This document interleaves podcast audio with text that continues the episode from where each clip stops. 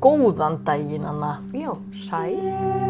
Við erum komin, sko ég ætlaði að láta hann þátt heita Dulsmál og útbyrðir. Svo strókaði ég yfir það og skrifaði bara móðu mín í kvíku. Ná, Vegna þess að það, ég held að allir tengi nokkurn veginn við það að það séu útbyrðasögur. Er það ekki? jú, jú, jú, eins og allra frægasta. Já, ég gerir bara ráð fyrir almennri kunnóttu fólks um þjóðsögur að það viti að það sé útbyrðasaga. Þannig að við ætlum að fjalla í þessum tíunda og síðasta þætti. Í byli. Er partíið búið? Já, það er nú nógu erfitt að ná okkur saman Nei. þó að sumari sé ekki komið. Kváma, kváma, kváma. Sko það, ég þarf að fara að skrifa bók. Já, augljóslega. Já, fyrir jólinn 2021. Já, já, það var rétt. Súbók. Já, ég þarf að hérna eiginlega gera það núna í sumfríinu svo kannski, svo var ég að hugsa mér langaði að við myndum aftur byrja sko í haust og þá hugsaði ég bara svona en sláturhússtarfsmaðurinn Oh my god. Já. já, já, við rettum því. Já, við hugsum við, Slátrústafnæðin segir alltaf við rettum því. Ég vil ekki þurfa að fá varamann sko Nei, nei, nei, nei. Ég kem þá bara eh, í slátur hérna Já. og tekur bara svona óhugnað Já, beint já, Já, já Það er auðvitað einhver svona l- lagabrót á því já, pocket. Þeir eru út fyrir öll velsæmismörg. Já, já, bóttjætt. En e, við byrjum alveg lengst í gamla daga og tölum um Íslendingabók Ara Fróða. Ok. Það sem hann segir þegar að l- hérna, kristni var lögtekin á Íslandi, þá er þessi fræga setning sem að hefur verið hérna, löngum verið sögð að innan, hérna, nú byrjar gæðsalapinnar, um út, nei, barnaútburð skildu standa hinn fornu lög og um hrossakjötsátt. Það var þetta tvett sem átt að standa frá heiðnum sið. Þess að, ok, við skulum taka kristni, en skiljum eftir hérna lögin um barnaútborð og hrossakjötsátt. Það er svo hræðilt, þú setur þetta saman í setningu. Já, Þú veist þú? Já þetta var það eitthvað, það, eitthvað rosalega mikilvægt fólki að mega halda í. Það móttu náttúrulega líka blóta á lögin, það var líka eitt sem mátti. Já, já. En hvernig var, þú veist, máttur þá byrja út börn og Já, það er nefnilega borða alveg vi- hrossakjöt? Já, það er ekki það, já, það er sem sagt ekki alveg vita fræði menn sem sagt hafa tólkað þetta þannig að útburður á börnum hafi verið leifður í kristnum sið og það hafi mátt sem sagt áfram þó að það hafi verið, Já. Nei, mennur í heiðnum sið. já, f- já fyrir ekki, heimum sið og það hafi verið heimilað áfram Ok. og þetta með hrossakjötsáti. Þess vegna varð það til þess að fólk borðaði ekki hrossakjöt setna meir vegna þess að það þótti svo heiðið og viðbjöðslegt að fólk svalt frekar heldur en að borða hrossakjöt á Íslandi Ok. setna meir. Sem er að kjánalegt. já, þetta átt að vera, að fólk heldur þetta hafi átt að vera eitthvað svona, svona fyrir fátaka fólkið. Já, þið megin nú ber út börninu okkur og borða hrossakjöt. Einmitt. En sko, ef það er miðað við lög annara landa í kringum okkur á þessum tíma, þá þykir öðrum hræðimunum, þú veist, kannski líklegt að útbörður hafi ekki verið bara eitthvað svona frjáls öllum, heldur að hafa verið eitthvað svona sérstakar reglur um það. Þú veist, í Noregi máttu bera út bönn, eða það voru eitthvað svona fatlanir og það voru sérstaklega að tekið fram skarð í vör. Sem er náttúrulega ekki beint föllum, já, en það, það var alltaf eitthvað svona fordómaka hvort skarð í vör, bönnum með skarð í vör. Kanski var það að þau, þau væri holgóma og gæti ekki nærst eða eitthvað. Ég, ég veit það ekki alveg. En það er sem sagt, eh, það veit enginn almennilega hvað þetta þýtti þetta með að mætti en þá bera út börn að hljóta hafa verið einhver, einhver hömlur á þessu. Og það er í nokkrum Íslendingasögum er hérna útbörðubarna nefndur og þá er það yfirleitt einhverju svona betur settir karlmenn sem að voru að ákveða svoleiðis og jafnvel að skeipa fyrir um að bera út börn einhverju svona lægra settra Já, ok. Ekki endilega sín gæti verið hemmt eða það gæti verið eitthvað svona þetta er tekið fram í hérna, ég man ekki einhverjum fjórum eða sex sögum en þessar sögur eru alltaf að skrifa það sko löngu setna já, og þá er Ekki búið að taka upp samtíma kristni heimildir, Nei, ekki endilega. samtíma heimildir og þá erum við spurning, þú veist, var þetta í einhverju svona pólitískum tilgangi til að þú veist, reyna að láta heiðna líta út fyrir að vera algjörða barbara eða eitthvað já. þannig að við skulum fara varlega í að dæma En dæma mátti sem góð frá því sagt spyrja börnum í heiðni? Já, það er einhver, í, í einhverjum tilfellum verist vera Ok. en það er ekki allir sammála um, já, hvernig Eh, Svo seinna meir það er það sem við ætlum nú aðalega að tala um Seinna Þetta var nú meir. bara svona inngangur Ó, ok. Já. Uh, Setna meir voru það kallu dulsmál þegar kona leyndi þungun og barnsfæðingu og barnið fannst aldrei eða líkið fannst aldrei. Þess að þetta voru svona, urðu bara eftir einhverju svona, oft bara einhverju svona kjæftasögur. Og þá skipti ekki öllu máli hvort barnið hefði fæðst lifandi eða ekki. Það var bara það að fela barnið og fæðinguna, þá skipti ekki öllu máli hvort að hún segði, já, barnið fættist dáið, okkur er alveg sama, þú faldir barnið og Já. ætlaðir að Þá ert þú bara, nú glæpamaður. Þannig að það að bera út barn sem hefði annars geta lifað, það bjó til svo kallaða útburðadrauga sem eru svona bara ungbarnadraugar. já, Og Jón Árnason, okkar góði eh, safnari, hann sagði þess að þetta um útburði. Útburður eru nokkurs konar draugar sem koma af því að púkar fara í börn er mæður bera út án þess að þau hafa lótið skýrn. Í skýrnin rekur allt óhreint burtu. Ekki komast útburðir langt þaðan er þeim var kastað út. Þeir sem þetta eru svona staðbundir ok. þeir komast ekki langt í burtu. Ekki geta þeir valdið villu nema rétt hjá sér, en stundum heyrist gól til þeirra, helst í illviðrum eða dimmviðri. Þessi gól eða ílur voru yfirlega kvöldu útburðavæl og var sumstaðar talið spá fyrir um óveður. Það mátti alls ekki herma eftir vælinu í þeim því þá kallaði maður þá til sín. Já, Það er svona til ykkur svona sögur af því. Óþekki strákar. passa sig á því. Já. Manstu ekki, ég held mér þess að það hefði verið í hérna Emil í Kattholti uh, var einhver kona þarna, títi berja, Já. hvað hún hétt þarna hún var alltaf að ræða krakkana með einhverju svona hún var alltaf að tala með þetta útburðavæl og ræða börnin með með einhverju svona sögum um útburði þannig að þetta er þetta er ekki bara, þú veist, þetta er alveg skandinavist fyrirbæri þetta, Ókei. þessi ungbarna draugar og hljóðin sem að Þetta var ekki Átti að koma. Astrid Lindgren garðinum. Nei, var ekki svona rúlandi svona frakki sem var Já, Nei, það er rétt, nei, ég mæl samt bara eftir þessu Hvað hétt hún aftur þessi persóna? Maja, títiburum Maja. Titt- Jú, eitthvað svo leiðis, já Já, Mæja, já getur það ekki Og verið. svo fyndin hérna teikningin af henni, svona pínlítil kelling Og uh, svo sem vildi að hún bruggaði vínið. Var það? Ég man það ekki. Hún var heilug, þessi kona, var það ekki? Og veit ekki. Útburðir höfðu yfirleitt utanum sig klæði það sem þeir voru vafðir í þegar þeir voru borðnir út, duluna sína. Mhm. Í einhverjum tilvikum eru útbur, er útburðum líkt við ullarvindil eða fliksu, jafnvel, eða jafnvel sem hrafni eða einhverjum fugli. Ég sé fyrir mér svona, sem ég veit ekki hvað heitir á íslensku, svona tumbleweed. Já. Þess að rull, Já. rullar svona í... Þessi vilt að vestrann Já. hérna eðmörkinu Já. svona, já. Já, það eru kannski bara viltir vestra barn og draugar. Já. Eh, Það er til í dæminu að útburður er sagður uh, vera nakið barn eða barna beinagrind. Reyni þeirra að komast ferða sína er talað um að þeir velti, dragnist eða fliksist áfram á öðrum hnið og öðrum olboga. Æ. Já, mjög svona, og, en hafi fætur og hendur krosslagðar. Þetta verður bara skrýtnar og skrýtnara. Ég, hvað er þetta? Rúllandi með fætur svona krosslagðar á öðrum hnið. Fer ekki Það er tratt, ekki skrítið þó hún komast ekki langt Nei. frá upphálaða staðunum. fer ekki tratt yfir, sko. Nei, hann fer ekki mér hrættir. Yfirleitt letu útbyrðinu væli næja en töluðu sjaldnast þó þeir ættu það til að kveða vísur. Eins og þessa sem er að finna hjá Jóni. Þetta er ekki eina góða, eina sanna. Heldur er hérna kopp átti, kyrnu átti ég, reysa átti ég bú. Til manns var ég ætlaður, ekki síður en þú. Biturt barn. Já, þetta. já. Já.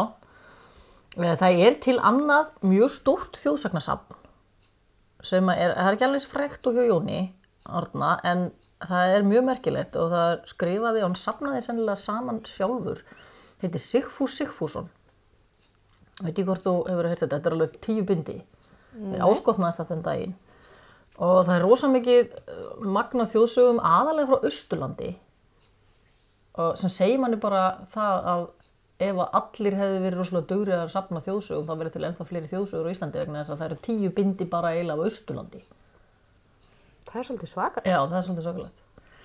Og hann segir að þegar börnum sé kastað út, telji margir að í líkama þeirra komist vondar verur sem haldi áfram störfum, sem sagt í þessum barnslíkama, öld eftir öld, í líki einhvers konar afturgöngu.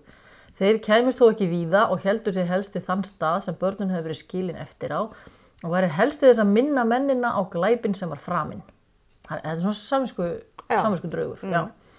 Sigfús lísti útburðunum á svipaðan hátt á Jón og en að þeir kæmust hann sagði að þeir kæmust rætt yfir og sættu ég að reyna að komast á milli fóta á fólki Þú veist, svona flækjast, já. já, það mætti þeim alls ekki takast því að þá yrði sá hinn sami sem sem myndi lenda í því ekki á fótum að ári liðinu Nei. já, þá myndi hann annarkvort verið eitthvað rúmfastur eða dáinn eða eitthvað Uh, hann, hérna, mér þótti mjög leiðilegt að lesa þetta vegna þess að ég hef gaman að þessu safni en hann vandar svo alls ekki málfarið sitt í umfjöllun um konur í þessu og mér finnst það frekar leiðilegt uh, hann segir þetta vera hórgetninga Þessi börnin sem er borin út. sem, Já, gang, ok. sem gangi þannig aftur uh, það- Engin kallmaður komið að þessum getnaði. Nei, Nei, nei, nei. Það eru eingetnir húrgetningar og hins vegar sé hægt að losna við þessa útbyrði með því að gefa þeim nafn ef maður rekst á þá af því að þau Já. hefur verið óskýrð sko. Já, en þau gerir í rauninni ekki mikið af sér nema að þetta já, flækjast fyrir þér, villa mögulega fyrir þér rétt þar sem þau eru en, Þau en eru eru ekki- bara meira svona til að minna á sér svona, uh, þetta er svona allt svona frá, frekar svona mm, volæði meira já, já. Það er bara svo, svo, svo, svo sorglegt. Já.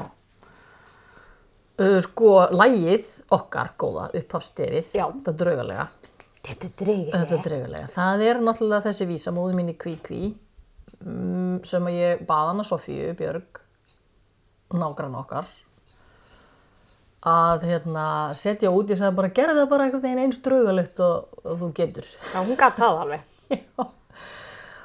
og hérna það eru til nokkar útgáfar af þessari sögu þær eru flestar einhvern veginn svona einu sinni var vinnukona á bæ hún hafði verið þunguð, alveg barn borið út nærri kvíum á bænum kví, kvíjarnar Voru til að einhvers konar mjólka Eh, rétt fé. Já. Eftir það bar svo til eitthvert sinn að halda átti gleði þá er vikivaki nefndist og all tíðir voru hér áður á landi. Og var þessari henni sömu stúlku bóði til skemmtunarinnar. En af því að hún var ekki mjög, mjög svo fjölskrúðug að hún ætti skartfött er sambiði slíkum skemmtufundi sem vikivakar voru og fyrir dögum lá all illa á henni. Hún átti sem sagt ekki nógu fínt. Til að fara í. Já. Nú svolítið skupuskusa. Já, hún óttaðist að hún yrði að sitja heima og verða af gleðinni. Einu sinni á málum, þegar það var að mjólka, nokkrum dögum áður en gleði stóð til, var stúlkan að mjólka ærnari kvíunum með annari konu, var hún þá að fárast um það við hína mjöldakonuna þessi vantaði föt til að veri á vikivaganum.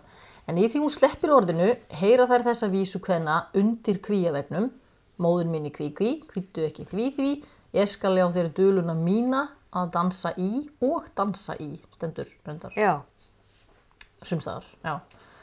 Útburðurinn var þá komin upp á kvíaveginn í sömu útgóðunum allavega og kastaði dölunni sinni í vinnukonuna sem borið hafði út bart sitt og þóttist þekkja hér skeiti sitt.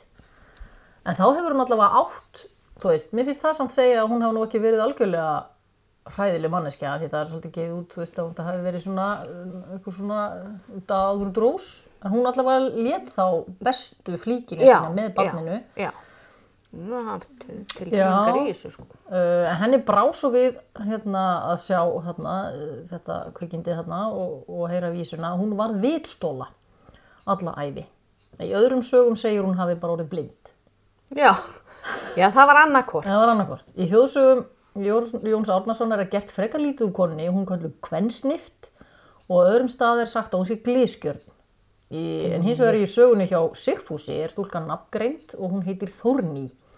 og þar er henni líst sem hún var ung og glensmikil, kátt og léttúðug og lauslát mjög. Sótti hún mjög eftir gleðisamkomum, engum dansleikjum þær, þeim er vikiva- vikivakar hétur. Blöð, hétu. Var hún og danskona mikil og hafði svo fagra rödd að til var tekið. Fyrir lauslæti sitt varð hún ólétt. Emmitt. En leyndi því allt hvað hún gat því hún hugði á það eina að fyrirfara barninu. Hún er bara með svona innbeittan brotavilja. Já, já, emmitt. Allt fer svo á sömu leið og í hinni útgáfuna sögunni að þegar hún heyrði vísuna frá útbyrðinum brá henni nokkuð en fór samt á dansleikin og dansaði og söng. Veðri versnaði og þá var kveðið á gluggan á dansalnum með hérna barnsleiri rödd, mjög svona og, og kribi. Ok. Kátt er hér en kallt er úti veður, þó er ég sonur þórnýjar, þeirra sem best kveður. Það því hún söng svo Já. fallega. Aldrei varð hún söm eftir þetta og allir vissu nú sekt hennar og varð hún ólánsöm fyrir þessa glæpsku sína. Emmitt. Hver var fadur þessu barni? Já, hann er bara ekki til. Og það er... Það var engitið. Já, það er samt, það var ekki talað samt um að einu verandlega dómstólar hefur refsaðinni samt, sko. Þú Veist, þetta var bara svona, nú vissu allir hvað hún Já, var já, mikil já. grós. Dómstólar samfélagsins. Já, sem voru ekki til að... Kommentakennið. Já, divaf. Divaf. opið kommentakerfi.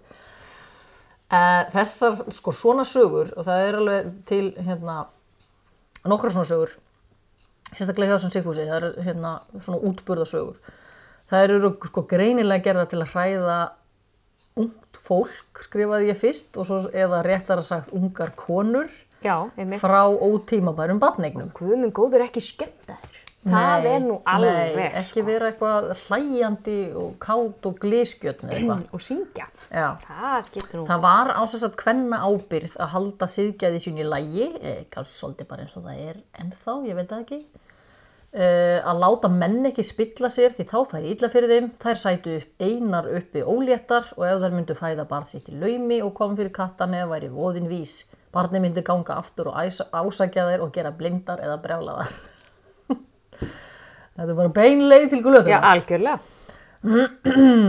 Uh, það Highway er, to hell. já, það er áberandi hversu niðrandi Sigfús talar um þessa konur. Hann sem sagt, segir þar að hann kallar aðra konu sem hafði oft orðið ófrísk og borðið út börnin, kallar hann hóru í þjóðsagnasafni, við erum það svolítið svona dramatist. Mjög spes. Og finnst lítið aðtogavert þó að húsbóndi hennar láti svipu ganga á henni svo hún hljóp, hlaupi hljóðandi undan. Þó segir hann að sifja spell, harðindi og ógnir lagana hefðu yfirleitt valdið því að fólk bar út börn. En oft hafi það líka verið óeðli kvenna sem olli því. Já, Þær hefðu einmitt, já. ákveðið að farga börnunum sínum, uh, nei þær sem hefðu ákveðið að farga börnunum sínum, fættu þau án þrauta. Einmitt. Og ég held að þetta hafi verið bara eitthvað svona eh, leið til að útskýra það hvers, hvernig konur fóru að því. Leið karlmanna Já, til að útskýra. já, já, Þetta er svo nákvæmlega. kallega hrútskýringar. Já. Já, sem Sigfúsi. Mér finnst hann ekki verið Ég skemmt. var rosalega reið þegar ég var, ég les, ég var Já. að fara yfir þetta og ég- ég var rosalega hugsi yfir mm, hérna, mörgu. Bæði hvað það er margt sem hefur breyst og margt sem hefur ekki breyst. Já.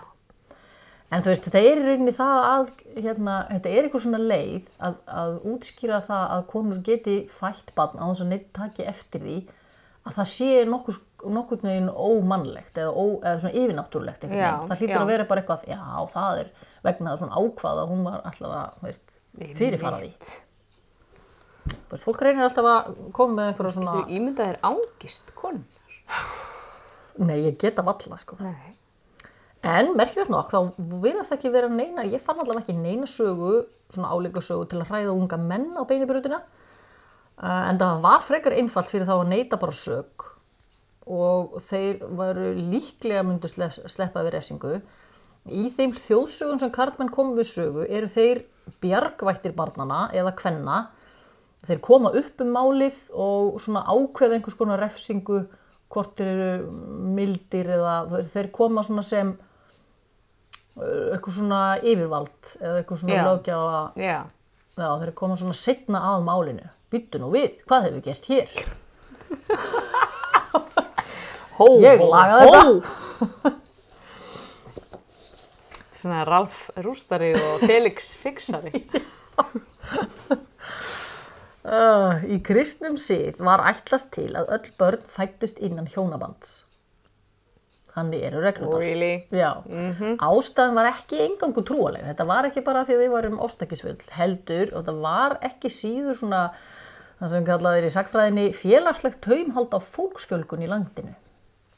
Þú getur ekki bara drift börnum út um allt ef þú veist ekki hvernig það var að sjá fyrir þig. Nei, nei, ok, ég, ég Já, bara, ef það var vinnufólk sem að ætlaði að giftast og þú gast ekki fundið þér í jörð, nei. til að búa á. Hvar ætlar þá að hóla hvað niður ætlar öllum að þessum- geima börnin? ætlar að vera áfram vinnufólk og fara að láta húsbændur þína þú veist, sjá fyrir börnunum þínu? Já, nei. Það gengur ekki. Þannig að það gæti ekki fengið að giftast og þess vegna var fólk að giftast alltaf svolítið seint. Já, þegar það þurfti í raunin að vera búið að Já, safna þú sér þurftur að vera búin að fyrir. vinna inn, þú veist, þú er kannski búin að vera í vinnu hérna, manneskja og fegst sko að halda kindurna þínar Já, með, skilur, og varst komið með kannski með einhverja 10-12 kindur þú ert að vera búin að sapna þeim upp áður en þú færir þú veist, á nýjan stað, ég menna fólk var ofta orðið alveg þrítugt sko þegar það fekk lósins að og hugsaður á þeim tíma að kannski liða bara til 50-60. já, einmitt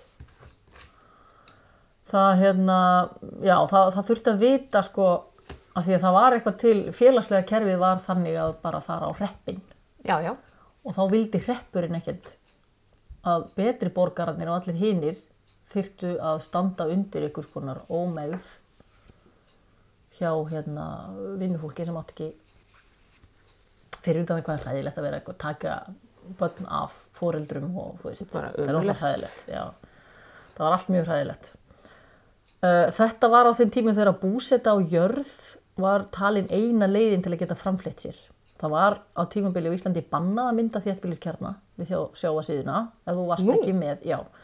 Það vor, þá varst það voru leið einhver svona þurrabúðir Já, en það máttur ekki vera, um, eða það var alveg daldir í langt tímabili þar sem að þú máttur ekki bara setjast að við sjóin með engan búskap allt árið þú veist, hvernig ætlar að lifa því þú veist, þú verður að hafa mjólk verður að hafa mjólk handa börnunum ok. Já.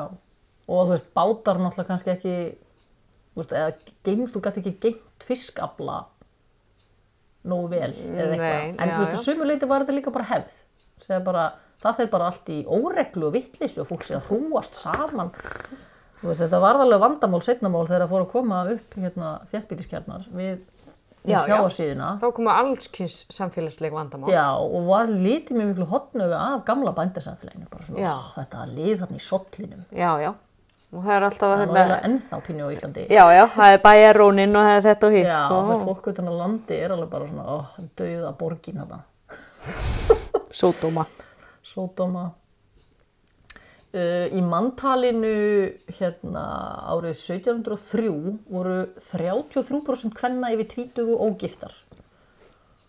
Og 100 ára setna var þetta hlutfall komið upp í 47%. Ok. þannig að þú, þú veist, það er bara mjög lík, mikla líkur á því á þessum tíma þetta er bara, það gerist margt þarna á, þú veist, ég minna móðuharindin eru þarna Já, og það fækkar bara jörðum þú veist, það er bara, það kólnar, það fækkar jörðum þú veist, það er bara, og þú, það er bara ekkert mikla líkur á því ef að þú átt- ert ekki betri bóndi eða eitthvað Já, eða afkomandi vel ættaður, þeirra, já, já. að þú getur bara ekki gifst fáir eldur að giftast þú sést bara, vinnu hjú og eilífi Sorry.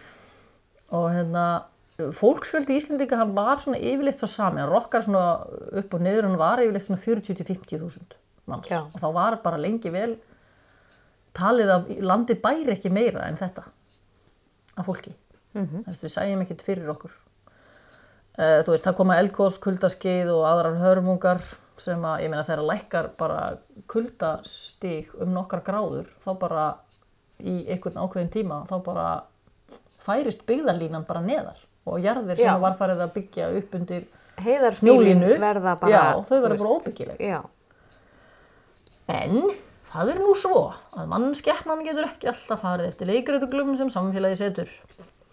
Þannig að þrátt fyrir fyrirleitningu kirkjunnar, ásaki, er dúskurinn minn farin á ferð. Fyrirleitningu kirkjunnar og samfélagsins og harðar refsingar ríkisvaldsins urðu ógiftar konur samt og frískar. Eins og bara fyrir galdur. merkilegt. Lengi vel þurfti fólk, aðalega konur, að játa slík siðferðisbrot ofinberlega frammi fyrir söfnuðinum í messu. Hæ? Það, já, bara fara upp á alltar og segja, herðu, ég hef brotið gegn eitthvað.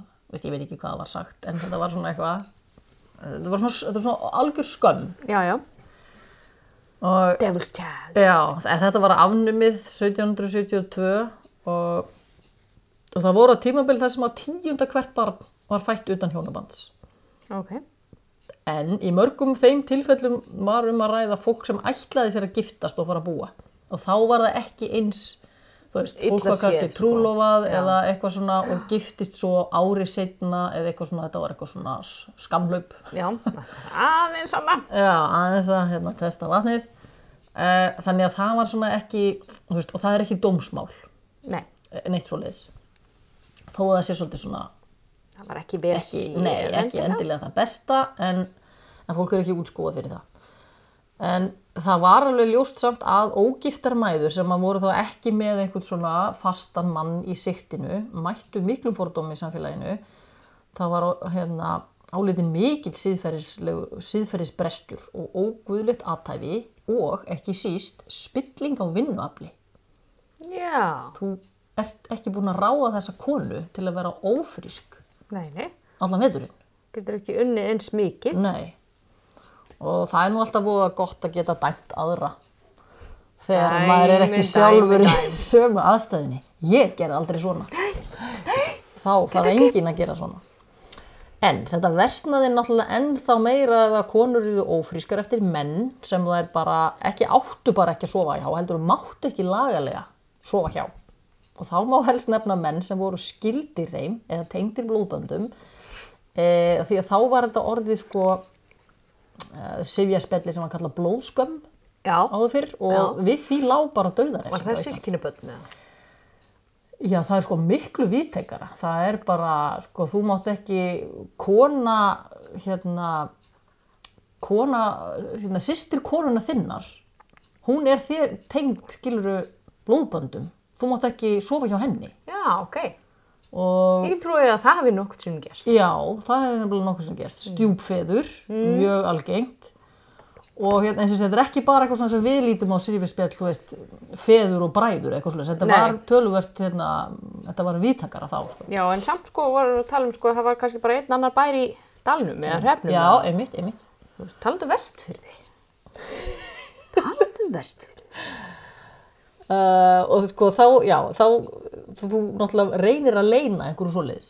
Já, Ef það nú liggur, því að það liggur döðaressing við þessar Já, blóð, þú sko. ert nú svona ekkert að segja öllum frá. Nei, og svo var annað, sko, sem var náttúrulega líka algengt, að annað, annar aðilinn eða báðir voru giftir öðrum. Já, já, já.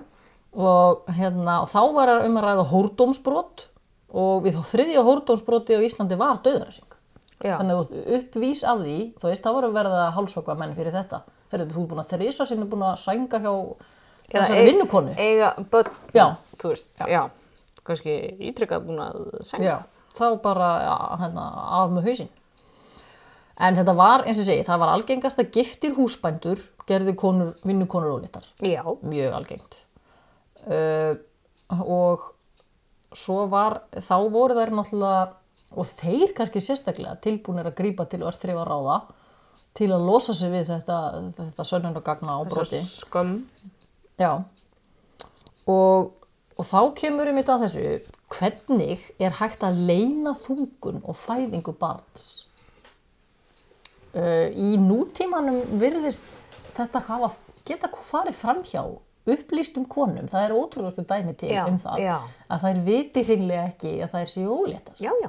Lengi, lengi vel og ég ber alveg fram á síðustu stundu Já. sem er ótrúlegt. En ég ætla ekki að draga því í efa. Nei, nei, skilurðu. Ég er bara, það er alveg magnað. En ef að kona vildi leina slíku í gamla bændasafélaginu, það gat hérna reynst erfitt. Ég myndi kannski segja ómögulegt, en hvað veit ég? Mm. Þegar Nei, heil, þú gast það alveg. já, en þegar heil fjölskylda, Mm. þú veist, kannski nokkuð börn og svolítið að vinnufólki, getur verið kannski 10 til 20 manns Já. í, í, í, hérna, í rými sem er svona ávið hérna, bara venjulega íbúð og það sefur meira og minna í sama rýminu Já, já. Þú veist, hvernig er þetta hægt? En þú til dæmis að bara tala um, um klæðaburðin. Já. Skilur, þú ert alltaf í einhverju sem að felur. Já. Snáðu ekki fólk samt, svað fólk ekki oft um Það var svaf í, í, í, eða í serkjum. Já, Það getur líka falið. já, já. Uh, hérna, já. En það er náttúrulega bara var, þú veist, þess vegna sér, hérna, sér maður alveg á einhverju svona, þegar það verið að tala, uh, ræða um þetta og einhverju svona dómsmálum, að, að það er alveg verið að pæla í, sást þú samdrætti þessa fólks, þú veist, sást þú eitthvað Já, já. hérna, og þá svona, þá kemur stundum í ljósa að fólk kýs eða þú veist, kaus oft að taka ekki eftir því. Já, já. það er bara svona nei, nei talaði kannski um það en sín á milli og voru eitthvað svona ádróttanir og svona undir rós eitthvað en ekki já, og kannski líka voru konur sjálfar eins og ég segi, ég minna konur sem að ef þetta getur farið fram hjá hérna mentuðum konum í dag Já, þá hefur þetta væntanlega líka getið að farið fram hjá þú veist, stelpum sem sem eru vissu kannski, kannski bara... ekki margt, þau hefur aldrei farið á Nei. bæ líka við Og er, þetta er kannski bara hérna... og bara með krossa putta og bara nei, þetta er það öruglega ekki Já, og þú bara... að býða Einmitt. Æ, það er ótrúlega, hérna það er nefnilega til svakalega áhugaverð bók sem að heitir Dulsmál á Íslandi eftir gamlan kennara minn, Má Jónsson hann kendi mér handritalestur Ok. það sem að, maður, að ég á að geta lesið sem sagt, og þýtt innan gæðsalappa þú veist svona handrit sem eru skrifuð og gammaldags ég geta ekki fyrir geðum ári ég geta ekki Ég hef ekki efni mikið í það. Nei, ég, hérna, ég æfði mig í þessu tímabili þegar ég var í skólanum en ég hef ekki sti- stundað það neitt. En í þessari bók uh, eru skrifaður upp nákvæmlega 14 dómar í íslenskum hérna, svona dulsmálum frá 1600 til 1900 þar sem hann hefur búin að þýða upp hérna, dómana og yfirhinslunar. Þetta er rosalega áhugavert til að hérna, bara uh, gefur ykkur svona insýn í ykkur svona hugarheim sem maður átt að segja ekki á Ok. eftir að maður er búin að lesa smá fyr- fyrst eru svona orðaröðin svolítið skringilega á þessu en, en hérna maður kemst inn í það og í lokbókarinnar eru sko, svo lýsingar og öllum dulsmálum sem eru heimildir til um á Íslandi Þú veist, allt sem hefur komið til Og, þú veist, og við bókar. dærum, já. já, það eru 116 mál á einhverjum þrjú, einhver 300 ára tímabili Ok. Uh, þannig að það er þriðja hvert ár meðaltali sem kemur upp svona, eitthvað svona mál Já. hvort sem það er fundin einhver segur eða eh, það var ekkert alltaf stundum voru þetta bara kjæftasögur Já. sem var ekkert hægt að dæma í vegna þess að það fannst ekkert lík Já, já. það er bara hei þessi kona hefur grenst, grenst óeðlega mikið Einmitt. Já. Það hvað, var kannski bara hvað hefur gert skjálkinn til ástandi eða eitthvað og þá bara eitthvað, nei, þú lítur á að borða út bara. En hérna, eh, það verður, já, sko, það er rosa auðvelt að hérna, dæma á allt þetta, en ég samt held að kannski flesta bara konur sem að lesa þetta, ég, ég hugsa meira um bara einhvern veginn, mér blöskrar ekkert eins mikið þetta að það skildu fyrirfara börnunum sínum eins og kannski mér blöskrar einhvern veginn aðstæðina þeirra Já. þú veist, hvaða val höfðu þær, hvað, Já, í nákvæmlega. hvaða aðstöðu voru þær. Þú veist, það er annarkvort þetta eða að vera drekt fyrir Já. blóðskömm eða, já, Eða einmitt. Og, og, úst, já. En það er allavega, sko, sumar náttúrulega voru svo, ung- þú veist, við myndum, það er ekki einu sinni forráða í nútíma já, einmitt. hérna, skilningi og eins og ég segi náttúrulega ekkit, ekkit kannski vel upplýstar en það er náttúrulega sumar, já, ákvaðu að ganga með þetta barn kannski eru þær bara líka að vona að þær hafi rámt farið fyrir sér Já, já. eða þær myndu missa fóstrið sem er örgulega líka gerst Já. Eh, sérstaklega þegar þær gengur til verka eins og ekki til því skorist Mhm. og þær eru bara að harka af sér uh, við get, ég get ekki sagt að við tvær hefðum getað falið okkar Nei. óléttu Nei. Þú sérstaklega ekki því þú ert náttúrulega hobbit eða stærð Já. með fullvaksinn börn eins og er innan borðs. Hvað ertu að segja að við sést það? Þetta segir sér feit. Þetta segir sér feil. Nei, ég hef ekki getað það heldur þó, ég sé Nei. stærri en þú, þú veist En, það er en bara eins sko, og palur sko. það er þetta með sko innbyttan vilja. Já, og líka kannski bara, þú veist, um, að hérna, Ef ég hefði farið í sjö börnin pils. hefði verið minni, já, þú veist, börnin vantarlega voru ekki fætt svona stór eins og það, því þau eru ekki svona ofælin. Að Það er ímislegt sem kemur Þetta segir sér feil. Ég er alltaf að segja svona feit. Ertu 50 kíló? What? Með skóltusku. Já, með skóla, sko, einmitt. En hérna, þegar það fættust sem sagt uh, ófullburða börn sem að í rauninni er fósturlát, þú veist, börn sem hefði aldrei getið lifað af þeim í þá daga, þú veist, það gerist náttúrulega líka. Já. þá gat, hérna kona gat alveg lengt í vandræðum ef að það komst upp líka Þú veist, ef hún kallaði ekki á hjálp þetta var svona, fór svolítið eftir því hver komst að málinu Þú veist, Já. hvort það var einhver góðviljaðu prestur eða hvort að húsbændunni voru þeim hlindir eða eh, eitthvað en þú veist það gat náttúrulega alltaf verið þetta blóðskammar mál bara hver á þetta bann þú veist, bróðu minn, já ok, nei hérna, off with your head Já.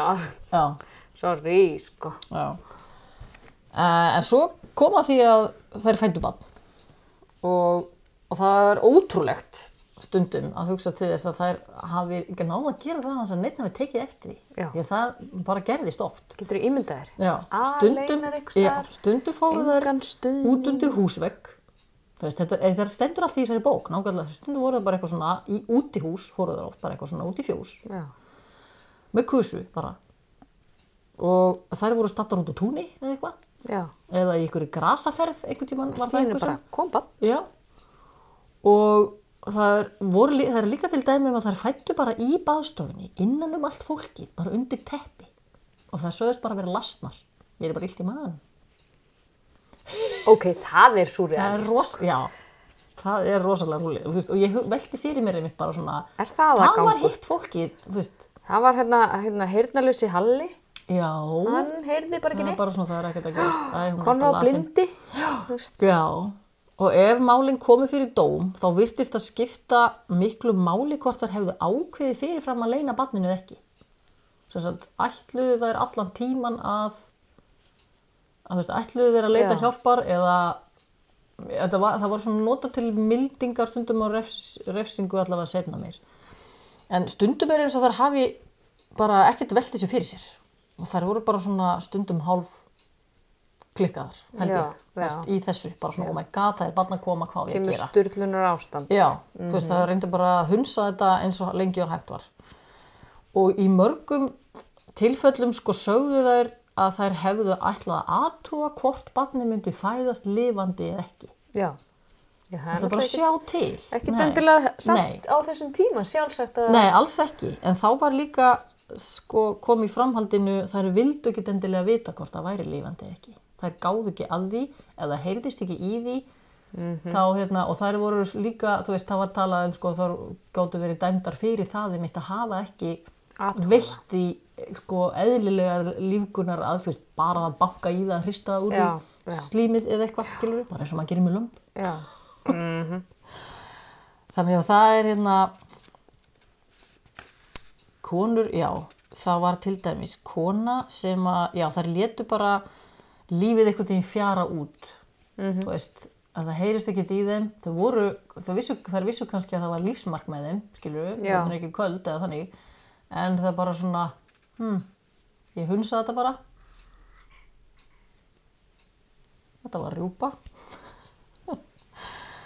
Þannig að hérna smá saga. Já, Kristín Bjartmarsdóttir, vinnukonu í Eyjafyrði, fætti barn í eldhúsinu á bænum 1853 því hún vildi ekki láta heyra til sín í baðstofinni. Og hún segir, nei það segir þetta í dómnum, þegar hún var staðin á fætur tók hún barnið upp og hafi hún þá fundið blæða úr naflastrengnum.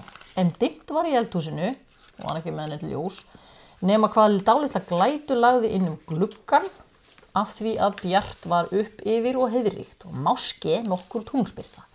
Þó man hún það ekki glögt. Hafi henni þá sínst augun aftur lokuð á barninu og ekki fundið neitt lífsmark með því. Hún játar að vísu að hún hafi hýrt eitthvað snörla í barninu þegar það var nýfætt en hún stóð á fætur og þó hafi hún síðar haldið að það væri dögt af því hún hafi ekkert lífsmark fundið með því eftir að hún tók það upp. En hefði hún fundið það, þá hefði hún alltaf að fara með það inn í baðstofu og leitað í bjargar. Ok. Hann er svo sem- En það veit náttúrulega enginn hvort hún hefði gert það eða ekki, þú veist, það dó þetta bara Já. uh, hérna, uh, já, eh, þetta er í rauninni bara hennar orð fyrir því.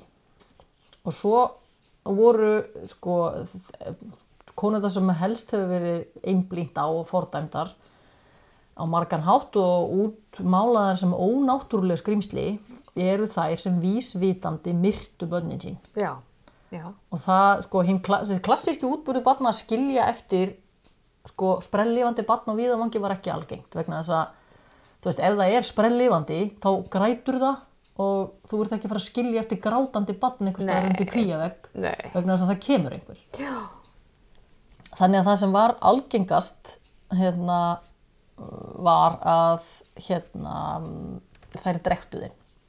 börnum, Já. Köstuðu þeim í á eða sjóin eða skildu eftir í læk eða skurfi. Þetta er ekki fyrir viðkvæmara. ég fæ bara martræði Ég veit, ég veit, já. Uh, sko. eins var algengt að þær græfu líkin einhver staðar í haugum sem sagt, eftir þetta, uh, í stund, sumar í kirkjugörðum og kannski það sem mér fannst óhugulegast, þær geymdu, og- og kom nokkur sinni fyrir, þær geymdu líkin í fatakistunni sinni Æ, í einhverja daga þangað til þær gætu æ, æ, æ, Já, það kann að hljóma fáranlega en þetta voru oft sko einu prívat já, já, hýrslutna, hýrslutna þeirra sem engin annar færi í. Og það er eitthvað svo sorglegt við þetta. þetta er uml. Já, Getur við ímyndaðir hversu mörg börn sko ekki er vitað um, e- já einmitt. þú veist? Já, nákvæmlega.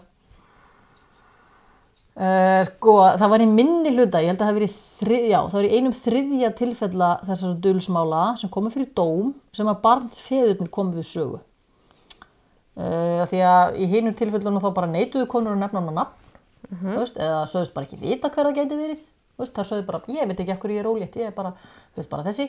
Já, ok. Marja May og hérna og þeir eða þá að þær sögðu sko ég veit ekki hérna ég ætla ekki að nefna hann og hann kom ekki nála þessum útburði eða þú Nei, veist. nei, einmitt. nei, vildu ekki blanda honum í það og en sko ef þeir va- voru nefndur á nafn þá var sko allur gangur á því hvort þeir játuðu eða neituðu og hvort þeir fengu þá dómið ekki sumir játuðu, þú veist, þú veist það var, stundum heldur maður einhvern veginn að bara akkur neituðu þeir ekki bara, þú veist, akkur Nei, þegar að- þessar við- konur eru komnar til yfirherslu, bara af hverju er hann að játa en þú veist, bara maður er búin að horfa á marga bíómyndir Já, og fólk er bara ekki svo fórhert nei, fólk er það náttúrulega bara, var frekar kannski bara saklaust já, Allt fangið.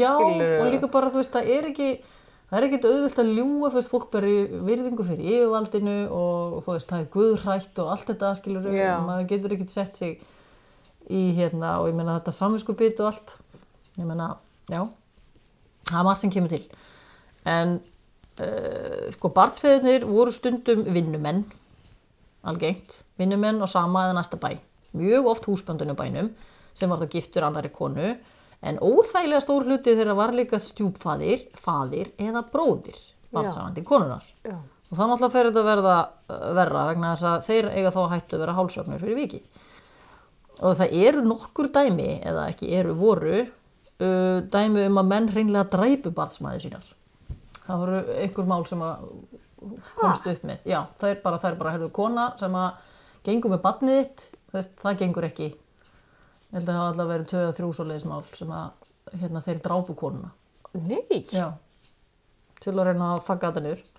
En þeir voru náttúrulega yfirleitt í betri stöðu en konurna til að láta þetta fara eftir sínu höfði og þeir höfðu náttúrulega stundum bara oft í hótunum við og líka bara við dæmi um að þeir hafi ásamt konunni sinni jafnvel, þú Já. veist, komið, komið banninu frá, þú veist, tekið á móti því og konan einhvern veginn rankar við sér og sagði þeim eitthvað hræðileg saga en þetta sem að, eh, þú veist, hún segir bara ég man alltaf þau, í grátnum í banninu þegar við fórum með það Já, og hún vissi ekkert hvað þú veist, þau neytuðu bara "Já, við gerum ekkert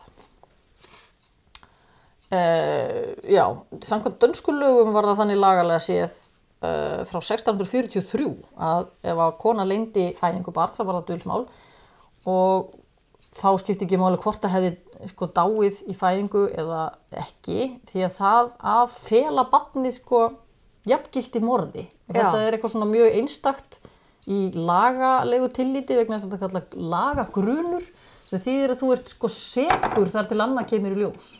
já, Þú þart sko verjandi, þú veist, verjandin þar í rauninni. Já, og þetta er mjög óvenjulegt og var svo náttúrulega hérna, afnumið. En, hérna, þú þarft ekki að sanna að sakborningurinn hafi gert neitt. Þú þarft bara að geta afsannað. Já, einmitt. Já, þetta er svona öfugt við það sem það er. Hún er fyrirfram gefin ef að það er hægt að tengja konu við bars, bars lík, þú veist, þá bara drabuna. Þú veist, þú bara, það er bara þannig. Það var bara þannig. Svo voru ykkur tilraunir gerðar, e, já, það voru ykkur svona kenning um að, hérna, það væri hægt að sjá á lungum barns, sko, við krupningu, hvort þú hefur dreigið andan eftir fæðingu Já, eða ekki. hvort það var andvana fætt eða ekki. Já, hvort það hefði komið lungu en svo kom ég ljósa þessi aðferð var ekki skotheld og það var nú svona hægt að stiðja stiðjana en fram yfir aldamótin 1800 voru konur sem á annar borð voru fundna sekar undur smál undan tekningalítið dæmtandi dauða eh, en aðeins á lægsta domstíði sem heimi hér að því Já. og þá var Gat hér að þið dæmt til dauða? já, en þú þurftir að fara hérna með það áfram svo Þú Veist, svo þið farið Þú mátt ekki framfylgja, Nei, skilur það. þetta var eitt, einmitt, þá var búið að breyta því mannstu með hérna, þetta galdra dóndinu, Já. þannig að það var allir dæmdir, við ennum ekki að fara með nú alþingi, við drefum það bara og svo samþykja þeirra það eftir. Svo- svo bara En þetta- eftir á samþykkt. Já, þetta er komið aðeins sem sagt, lengra, þetta er svona... Það er framþróun. Já, fram að 1800 þá voru það yfir dæmdættu dauða en það var hérna... But Það var- wait, there's more. Já, það var sjálfgæft að það væri reynd að milda refsinguna eins og varð svo setna. Það var til dæmis verjandi konu sem að hafði alið, það, var, það voru alltaf verjendur. Þú veist, Það var, það, það var, þetta var alveg svona, þessar, hérna, yfirheyslur er alveg aldrei áhugaverðara því þetta er, uh, þetta er svona, þetta er vel, hvað segir maður, dokumentarað. Já. Þetta er vel skýrslað. Sem er spes á Já, þessum tíma. já, maður svona... Það er ekki sjálfsagt. Nei, það er ekki sjálfsagt, en það var allavega kona sem hafði alið barn eftir nöðgun föðu síns og verjandi reynir svona eitthvað að nota aðstæðurinn til að milda dó, dómin en hann fekk þau svör að hún hefði ekki sagt neinu frá nöðgunina þeim tíma eða lagt neina áherslu á það. Og þannig þar að- leiðandi gerðist það ekki. eða? Nei, það bara, já, það var of sitt að segja það þá. Það var samt, það átt að taka hann að lífi. Þannig að, hérna, sko, íslenski dómstólar voru duglegir að dæma, dæma konu til dauða, en sumir dönsku kongarnir voru duglegir við að breyta þeim í ævilanga refsivist. Já. Þannig að það var, það var beðið með að taka hann að lífi, svo fór þetta yfir í landsrétt og svo fór þetta í hæstarétt og svo fór þetta til kongsins. Já. Þannig að hann hefur tromp vald. Þannig að þó allir hinnir hafi dæmt fólk til dauða, þá getur hann breytti. Já. Og helst sko til að milda svona refsingar svona, eins og ég segi, eftir 1800 þá svona fer að fer þeir að tala, taka svona ímislegt í svona aðstæður hvenna. Þú Já. veist, Eru þær rosalega ungar, eru þær illa gefnar, eru þær einfaldar eins og sagt er, þú veist, Já. eru þær bara eitthvað seinar eða Er þú verið veist, að illa uppfrætt eða misnota greindaskert, innlenda- já, einmitt, já, eða Það er er þetta, augljóslega. já. Þannig að það, en þú veist, það, yfir, sko, það að vera sendur í refsivist í einhverju dönskum fangilsum og vinnuhælum í Danmörku, það var ekkert mikið betra. Þú veist, þú Nei. endist ekkert mörg ár Nei. í svo leiðis. Og þú fórst ekkit endilega aftur heim. Nei, uh, síðasta konan sem var tekin að lífi fyrir dölsmál á Íslandi var 1792, hún er rétt fyrir 1800. Og hún var afnumin 100 árum setna í dönsku lögum, en þá hafði ekki verið neitt tekin, neitt tekin að lífi.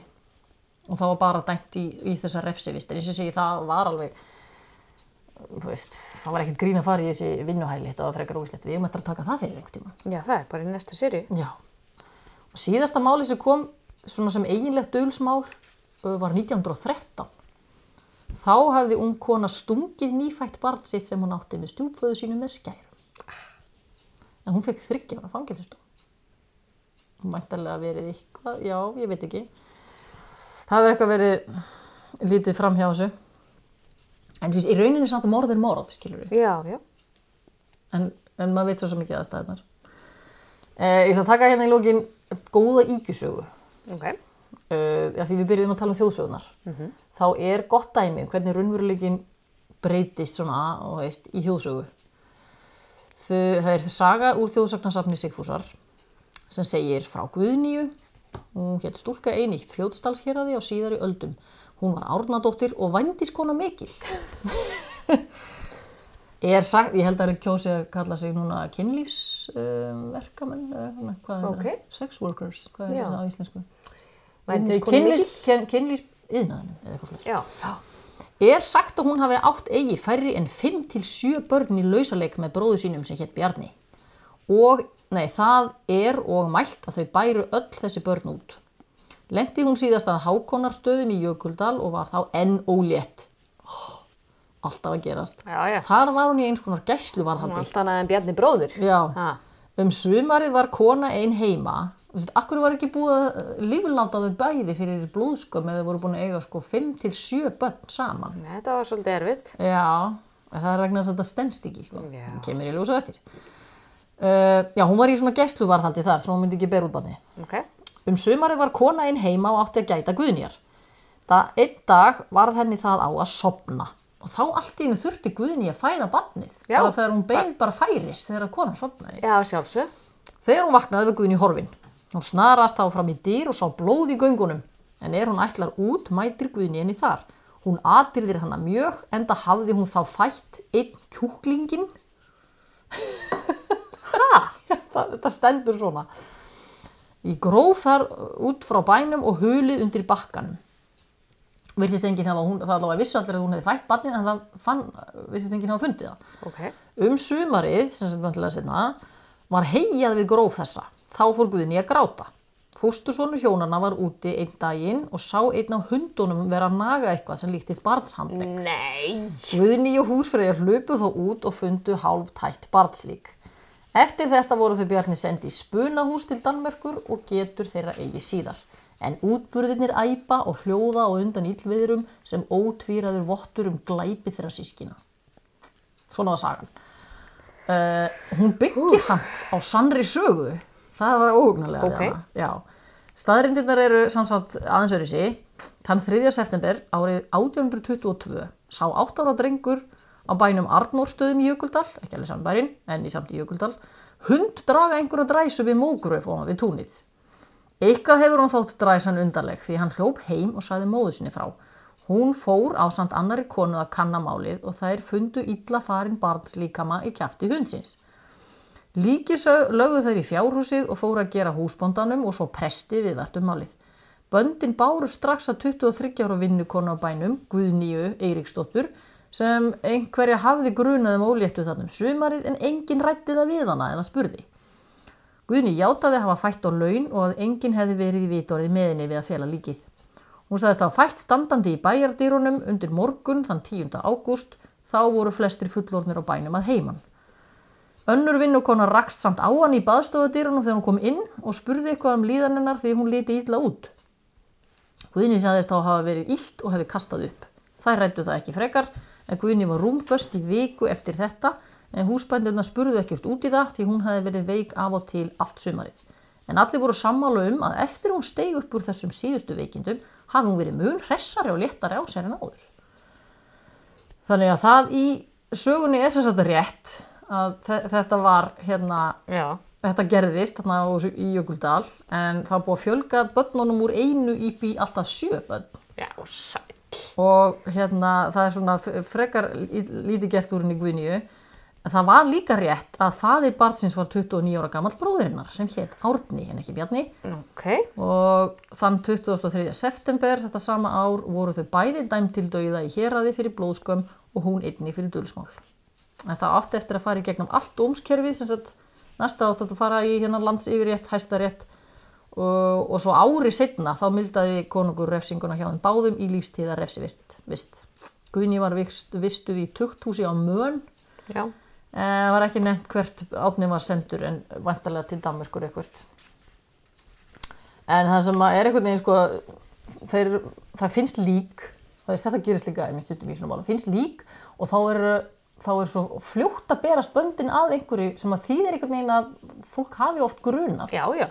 Það vissi En alveg. enginn vildi segja neitt. Það er þetta með bara eitthvað. Já. Engin dætt í sjón. Já, það eru mörg málemitt sem bera það með sér að þetta samfélag, bænda samfélagið, það vildi vita allt um alla en Já. stundum ekki. Já, En stundum að leiða eitthvað svona óþægilegt hjá sér. já, já. Það var voða mikið það. Maður hefur alveg stundum þegar maður er að lesa bækur bara svona eins og lagsnes eða eitthvað svona, þá hugsa maður bara svona vá hvað fólk er eins og bara í fátækt fólk. Rosalega hu- finnst manni stund fólk vera kuldalegt í viðmóti við börn Mhm. og þeir sem minna meiga sín og maður hugsa bara svona, þetta mátti getur ekki hafa þetta." verið svona já, Já, þetta var bara ég víst hugsa að þetta hafi, já, ég meina kannski er þetta bara ein leið til að lifa af Já, Þú veist, Viss- að viss setja þig harðneskja. ekki inn í mál allra þú, veist, ég meina, þú getur ekki vorkend öllum, þú getur ekki hjálpað öllum já Eða þetta, eitthvað. er, þetta er, já, ég geti einmitt trúið því. Já, og það er alveg sko samkvæmt hérna yfirheistunum í þessari yfir heimilisfólkinu þarna eh, hjá, í bókinni hjá Má þá virðist þetta vera algengt sko að fólk talaði þetta aldrei mikið sín á milli eitthvað svona undir rós um eitthvað en spurði kannski konuna ekki beint Það var ekki búið að spyrja hana. Nei, Nei, einmitt. en við vissum það öll en við spurðum hann aldrei Næ, við vorum ekkert að ræða þetta við hana. Nei, það er svona eins og þetta væri bara bóla eða eitthvað Þetta er svo fórstbræðarsketch. Já, já við vissum þetta allan tíma já, já. Uh, og þú veist, og akkur er þá einhvern veginn ekki að, að þú veist, reyna að ræða, þú veist, þú myndir neita, það var líka algengt, þú veist, einhver spurði, hvað er þú ólétt, alltaf eitthvað svona spurði, nei, Nei, en að reyna þá samt að segja, svo bara, ertu Hvað- samt alltaf þykmynd í belti hvað, og hérna, þú veist, hvað er í hérna stöðunni annað í bóði en að, þú veist, Já, en að bera það út, sko, en þær, þær sögðust oft vera bara eitthvað slappar, uppþemdar eitthvað og hérna, já, en stundum voru þetta líka bara konur sem voru sakaður um að hafa grænst.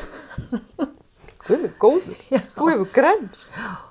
Uh, það er eitt, það var eitt mál sem var aldrei áhugaverð sem að hann segir frá um mitt 1845 þá voru snör viðbröð fólk sem komi í vekk fyrir að í rauninni að, að það yrði dulsmál það voru vinnukona að því undarlega nafni Elená hún var talin ólétt en neitaði alltaf staðfastlega öllum sem spurðu húsbændur bændur hennar trúðinni þá ekki einan nótt í nóvember vaknar hún upp við sára verki en þá sváfu allir á bænum Húsfriðan vaknar fljótlega líka og fer að aðtúa hvað kona sé að aðhafast fram í eldhúsi. Elinó talar þá eitthvað um að bág sé hríðin úti og gengur út eh, um miðanótt í, í óveður. Húsfreyja telur hún hafi alltaf út að hæja sér, en fær fljótlega illan grun, finnst þetta eitthvað skrítið. Hún drýfur því svo, i- sig þá inn og vekur bónda sinn, þetta er svona svo í læginu. Bóndi vinur vakna þú. Einmitt, segir honum frá málinu og á leiðinni út, þau þess að fara á eftir henni, mæta þau konunni, þessari Mhm. Eliná. Hún virðist þá hafa grenst nokkuð og var í miklu uppnámi þegar hún var spurð hvað hún hefði gert af því sem hún hafði meðferðis. Þú veist, allt eitthvað svona, Já, þú veist, það er Talaðu ekki, undir hvað rós." er barnið? Hvað hefur verið gert af því sem þú hafði meðferðis? þetta er bara svona gildrut. Já, og það það er sem er sinningur í undir barðinu. svuntuðinni. Já, ég hef fyrirgert lífinu, segir hún þá, Þú veist, tautar tautar eitthvað, aftur og aftur. Uh, Bóndin dró hana þá með sér út og skipaði henn að sína sér hvar hún hefði látið barnið. Og viti menn, nýfættur drengur lág í snjúskabli við bæinn. Elena var háttuð ofin í hjónarúmið á bænum og húsfreyja hafði barnið inn á sér til að hlýja því. Það brakaðist og móðurinn fekk svo barnið til sín um nóttina og tók því vel, gaf því brjóst og vildi vera því góð, eins og sattur í heimildinni. Ok, Mjög spes. já, hún bara fengið um trublast. Já, það var ekkert farið svo nánar út í þetta, hvort, eh, þetta varð ekki dómsmál, en Nei, þetta nei. allavega, nei, en þetta segir samt einhvern veginn að þetta hlýtur að hafa gerst, þú veist, þetta náttúrulega ratar ekkert í dómsbækur Nei, þegar nei. ekki verður úr því mál, skilur við. En þetta, þetta getur gerst ef að, þú veist, húsbandinu voru bara vakandi fyrir Já, já, þessu já. og einhvern veginn, og hérna, vildu henni vel, þannig lagað, sko, vildu koma í veg fyrir þetta, ekki bara hunsað og segja bara, já, hún er eitthvað úti. Hún fór að hæja sér. Já. En þú veist, já, miða við það hvað, já eins og sé, maður getur ekkert vita hversu oft eitthvað svona hafi gerst eða eitthvað. En þetta að hún hafi sko setna meir svo tekið í vel, segir manni bara einhvern veginn hvað þetta er mikil geðviki, sko. Já, Eða svona stundar þetta var, þetta er brjálæði. nefnilega. Já. En saga sko flestra þessara kvenna er alltaf þessi samæla, þau eru ungar, ógifta vinnukonur og þær áttu eiginlega ekkert nema fötin sem það stóðu í Mhm. og þær koma að fátöku fólki og annað líka þær höfðu sjaldan verið lengi á sama bænum. Þær höfðu yfirlega sko fa- flakkað á milli tekið jafnvel á fram. hverju ári. Já, Mára búin að skoða þetta vegna þess að þá er það eitthvað svona kannski með það að þær þekktu ekki húsbænduna vel. Já. Það tristu þeim ekki Þorðu ekki. og sögðu einhvern veginn engum og voru bara svona fullkomnir einstæðingar einhvern veginn Já, í lífinu. í, eða þá að þær væru eitthvað eitthvað skrítar, eitthvað svona félagslega utangáttað, eitthvað svona þær heldust, heldust ekki á sama stað eða eitthvað Þess, þetta, þetta er eitthvað, svo- þetta er eitthvað svona það sem maður eiga sameiglegt. Þú veist, þú ert að tala um 18. og 19. öld. Já, ég veit. Félagslega utangáta. Já, ég meina, þú veist, voru það eitthvað tregar? Þú veist, Já, já, það getur náttúrulega... Gerðu voru eitthvað grein, greindaskertar eða þú veist, unni ekki nógu vel eða eitthvað, ég veit það ekki. Já, en, en sko tauga áfall líka við að ver- verða mögulega sendi í steinin. Í mitt. Gæti haft áhrif. Hálsökun eða eitthvað. Já, þú veist. já. Og að gu- Guð hatar þig líka. Já, já, potet. Það er alveg- Þú ert að fara að lenda í helviti, sko. Ass. Þannig að sko, þær, þær sem að gáfi einhverja ástæðu fyrir því hérna, þeirra voru spurðar, sumar þeirra, fyrir því að þær hefðu viljað dilja ástand sitt, sögðu þar yfirleitt hafa verið sko skömm, blygðun, ótti við fjölskyldu sínar, húsbændur eða barnsfeður. Já, Uh, en karlmenn sem að, ef að þeir gáðu upp einhverja ástæðu þá vildu þeir breyða yfir blóðskömm eða framhjáhald. já. Sem sagt, Sitt Það eigið. er bara svona, já, meira svona Sér hvað konan líkamleg hugsar um refsing, já, sko, skömmina sína, sína og annara. já, já, Þú veist. En við veist þetta, já, ég hefði kannski hægt að taka það fram að þetta væri ekki verið viðkvæma. Er það að verða full seg? Já, mögulega. Þú ert kannski mögulega einmitt svolítið viðkvæm eftir fyrir þessu. mig, já, já. eftir þetta sko. já, ég var mjög heit yfir að, hérna, þetta, sko, þetta bara veltir upp svona óþægilegum svona pælingum með, hérna, til dæmis, hvað er það sem veldur því að fólk, sko, fremur glæpi? Mm, Bara almennt. Það er yfirleitt ekki Örvinglan. hér til gamans. Já. Nei, ymmit. Sér enga aðra leið Já. Þú Veist, og, og hugsaði þér þarna, þú ert kannski búin að vita það í sex mánuði Já. að þú ert að fara að fá mm. lífstíðadóm Já. eða Já. þú veist, já, í eitthvað svona limbói bara. hangandi yfir þér eitthvað. Já. En Það er- þarna virðist samt sko ótti við harða refsingar. En það virðist ekki, hefur sjaldan sko náða að koma í vekk fyrir. Já, ekki endilega komið veg fyrir einmitt, en getur þú ímyndað þér sko öll börnin sem eru rángfæðruð til Já. að, Já, já, já. til að koma í veg fyrir að einhver fari í, Já, í drekkingarhylinn. Já, drekkingarhýlin, skilur. já, já, nefnitt.